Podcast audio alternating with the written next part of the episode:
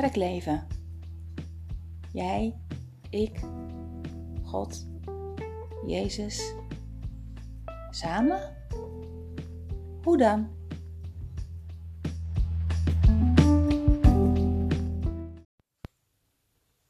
Hey, hallo. Wat leuk dat je weer luistert. Um, welkom weer bij de podcast over kerkleven. Een uh, podcast die uh, niet zo regelmatig uh, is als dat ik eigenlijk had bedacht dat die zou moeten zijn. Um, en tegelijkertijd denk ik dat hij daarmee ook veel meer laat zien van hoe werkelijk kerkleven in elkaar zit. Kerkleven is niet iets wat je organiseert en wat allemaal strak en gereguleerd is. En juist niet. Het is zelfs het gewone leven chaotisch, soms ongelooflijk saai, soms heel frustrerend. En uh, soms gebeurt er gewoon ook een tijdje gewoon helemaal niks. Lijkt het. En zeker in deze tijd, ehm, voor degenen die naar de datum kijken of luisteren zodra deze podcast online komt. het is coronatijd. Ondertussen in eind mei. We zijn, zijn, al een paar maanden onderweg. Een paar maanden dat we niet bij elkaar kunnen komen. En ja, dat is best wel heel erg raar. En dan merk je in één keer hoe belangrijk het is dat je, dat je steun, dat je elkaar ziet. Dat je elkaar een knuffel kan geven. Dat je elkaar in de ogen kan kijken. en je merkt in één keer hoeveel, hoe ver anderhalve meter wel niet is. Wat een enorme afstand dat creëert. Want ja, we zien elkaar nog wel, maar inderdaad, uh, zittend in de voortuin en uh, de andere staand op de weg,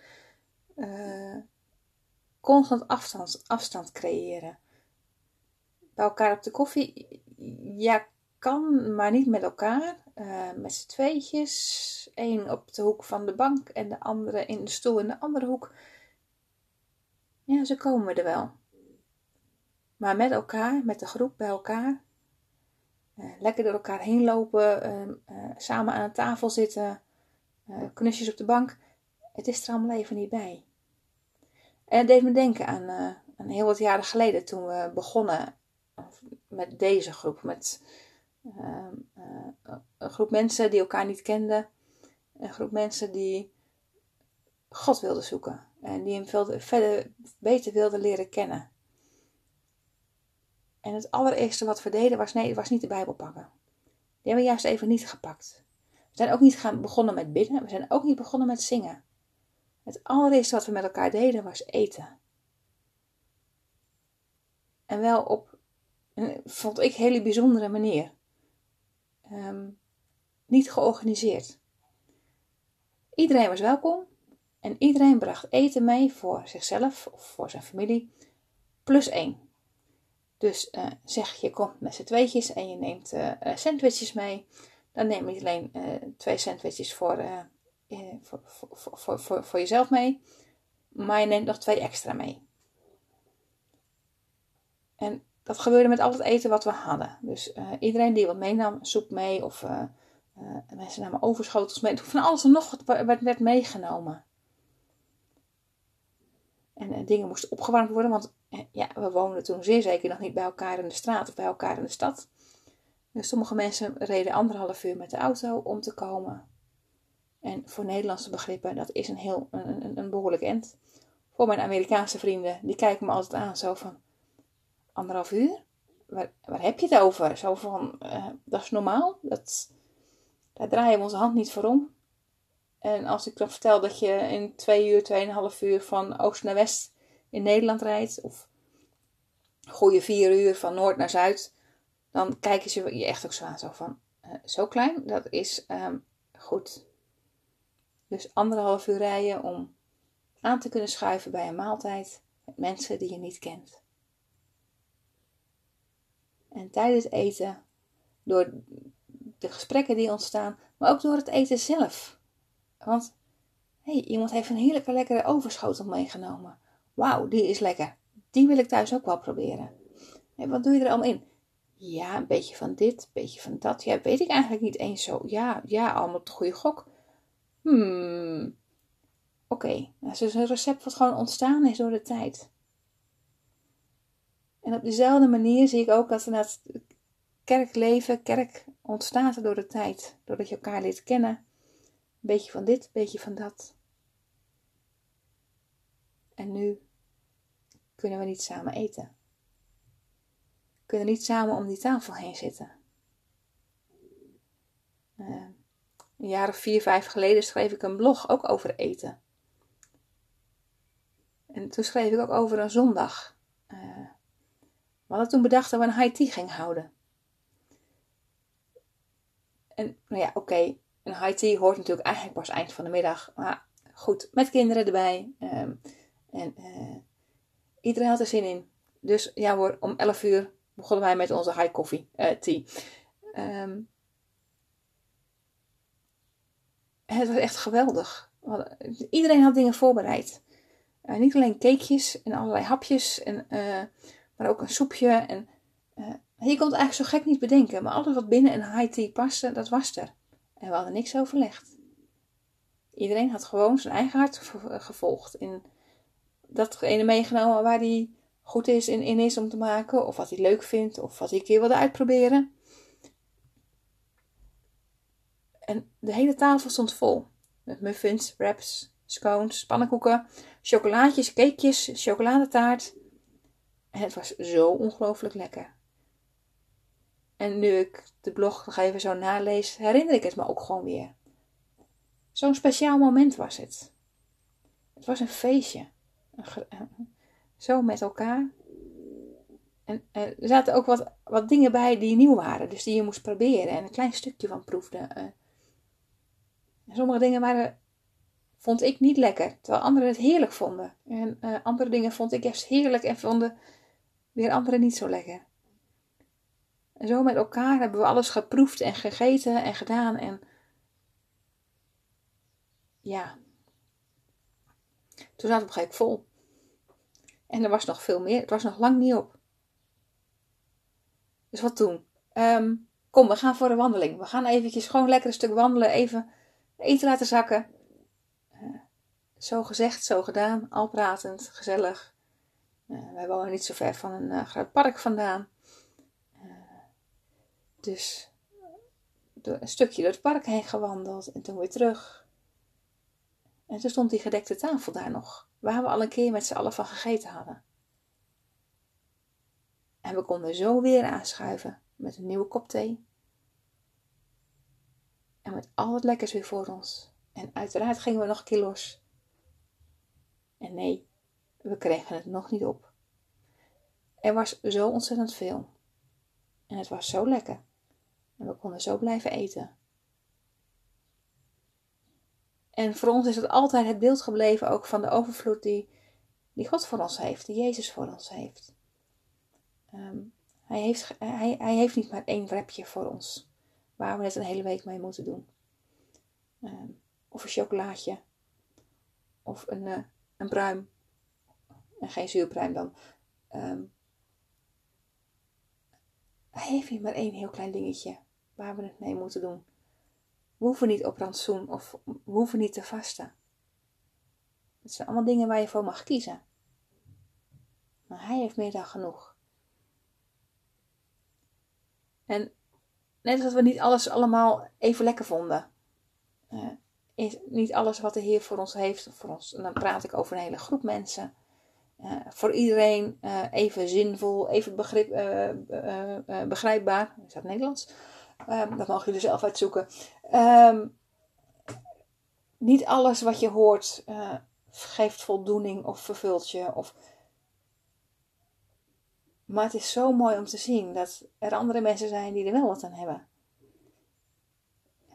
En dat maakt voor mij kerkleven zo extra waardevol. Uh, er zijn dingen, nou, het is gewoon niet helemaal mijn cup of tea. Dat is gewoon niet helemaal mijn ding. Ja, voor anderen zijn ze zo wezenlijk en zo, zo belangrijk. En om dan mensen te zien genieten en helemaal vrolijk weer naar huis toe te zien gaan. En zo ergens door de week tegen te komen. En ze dan nog even horen hoe ze teruggrijpen op. Ja, weet je nog met de laatste meeting dat we toen dat en dat zongen of dat en dat zeiden? Of ach, het houdt me nog steeds bezig. Ik vind het zo geweldig. Of ik heb daar zo de Heer in gezien. En uh, ja, ik heb hem mogen ontmoeten daar. Ik heb weer een stukje van hem geleerd. Ik heb hem weer wat beter leren kennen. En dan denk ik, dat is waar we het om doen. Niet omdat ik, ik, ik, ik, ik, ik, hoe vaak hebben we dat, die gedachte wel niet in ons, in ons hoofd. Niet omdat ik um, alleen hem beter leer kennen. Maar dat we dat met elkaar doen. En ja, dat is nu precies wat we nu heel erg missen. Want ja, we, hebben meetings die we via, ehm, eh, via de computer, via, via internet doen. En het is toch zo anders. Het is zo leuk om elkaar even te zien weer en elkaar te kunnen spreken en ook uh, met elkaar te kunnen zingen. Alhoewel het iedere keer inderdaad chaos is, omdat er natuurlijk altijd een klein beetje vertraging zit. Um, dus we beginnen tegelijk en meestal eindigen we ook wel ergens tegelijk. En tussendoor is het uh, net geen kanon. Een kanon die klinkt nog mooi en uh, je moet vooral zelf door blijven zingen. En dan komt het uiteindelijk wel goed. we hebben ontdekt dat als je tussen ieder couplet even een, een, een korte rust houdt, dat je in ieder geval het volgende couplet weer tezamen begint. Dan klinkt het nog een heel klein beetje. En dan, dan hou je nog een beetje overzicht in waar, in waar je bent. En tegelijkertijd, hoe bijzonder dat we dat gewoon allemaal kunnen doen. Hoe bijzonder dat we internet hebben en dat we elkaar kunnen zien. En dan denk ik aan Paulus' tijd, van de tijd van de eerste christenen. Um, ze hadden elkaar in de stad waar ze woonden.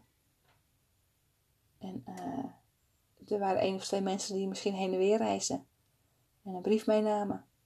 Maar dat waren geen reizen van anderhalf uur. Dat waren vaak reizen van dagen, zo niet weken. Uh, en dan is een brief schrijven ook niet iets wat ze toen zomaar eventjes deden. Ook daar ging tijd overheen. Dus voordat je antwoord had, voordat je hoorde dat het goed was met de ander, was je zomaar weer een maand verder. En ja, hoe gelukkig mag ik mij prijzen dat ik zelfs gewoon contact heb met onze broers en zussen in Engeland, in, in Amerika, in Nieuw-Zeeland, Albanië. Ja, er zijn zoveel landen waar mensen zijn die, die samen de Heer zoeken. En we weten gewoon van elkaar dat het goed is.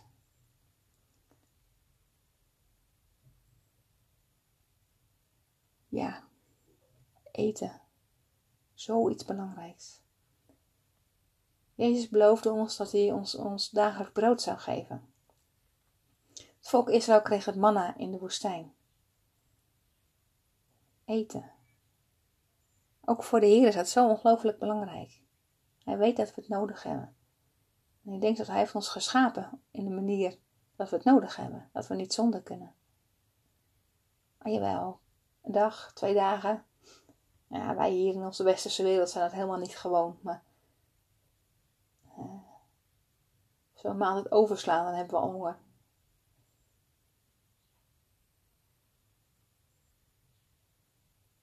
En toch, ja, dat is ook precies hoe hij ons bedoeld heeft. We mogen uh, constant eigenlijk honger hebben. Niet honger naar koekjes en brood. Niet honger naar mannen. Maar naar het geestelijke mannen, het geestelijke brood. Naar hem. Om samen met hem een stukje verder te lopen. Om samen met hem een broodje te eten. Kopje thee te drinken. En of het nou een high tea is die om 11 uur s ochtends begint. Of het nou een, uh, een brunch is of een lunch. Of het een, uh, een, uh, een broodje is met een kopje soep. Of een, of een achtgangen diner. Alles op zijn tijd.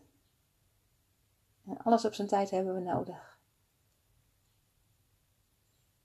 Soms kan ik mijn Bijbel openslaan. Dan heb ik in één keer een achtgangen diner. Heb ik echt zoiets zo van wow, wat ik nu allemaal tegenkom. Dat is wat, ik nu, wat er nu gebeurt nu ik samen met een van mijn zussen uh, Marcus 1 aan het lezen ben. En hoe vaak heb ik Marcus wel niet gelezen? Nou, kortste evangelie, het snelste gelezen. En als je even stilstaat, dan, wow, dan is het gewoon een acht gangen diner, wat, uh, wat, wat alleen aan Marcus 1 staat. En om dat samen te mogen eten. Samen iedere gang, samen te mogen genieten. En het ene vind ik iets lekkerder en het andere vindt zij iets lekkerder. En het ene kan ik eigenlijk helemaal niks mee. En het andere vind ik geweldig. En als we dan zo een half uurtje, drie kwartier samen, samen aan, ja, aan het eten zijn geweest. Dan kunnen we elkaar echt gewoon zo aankijken.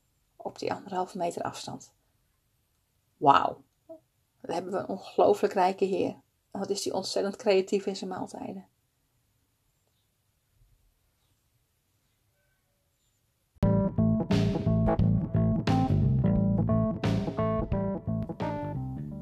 Samen? Dat kan via e-mail.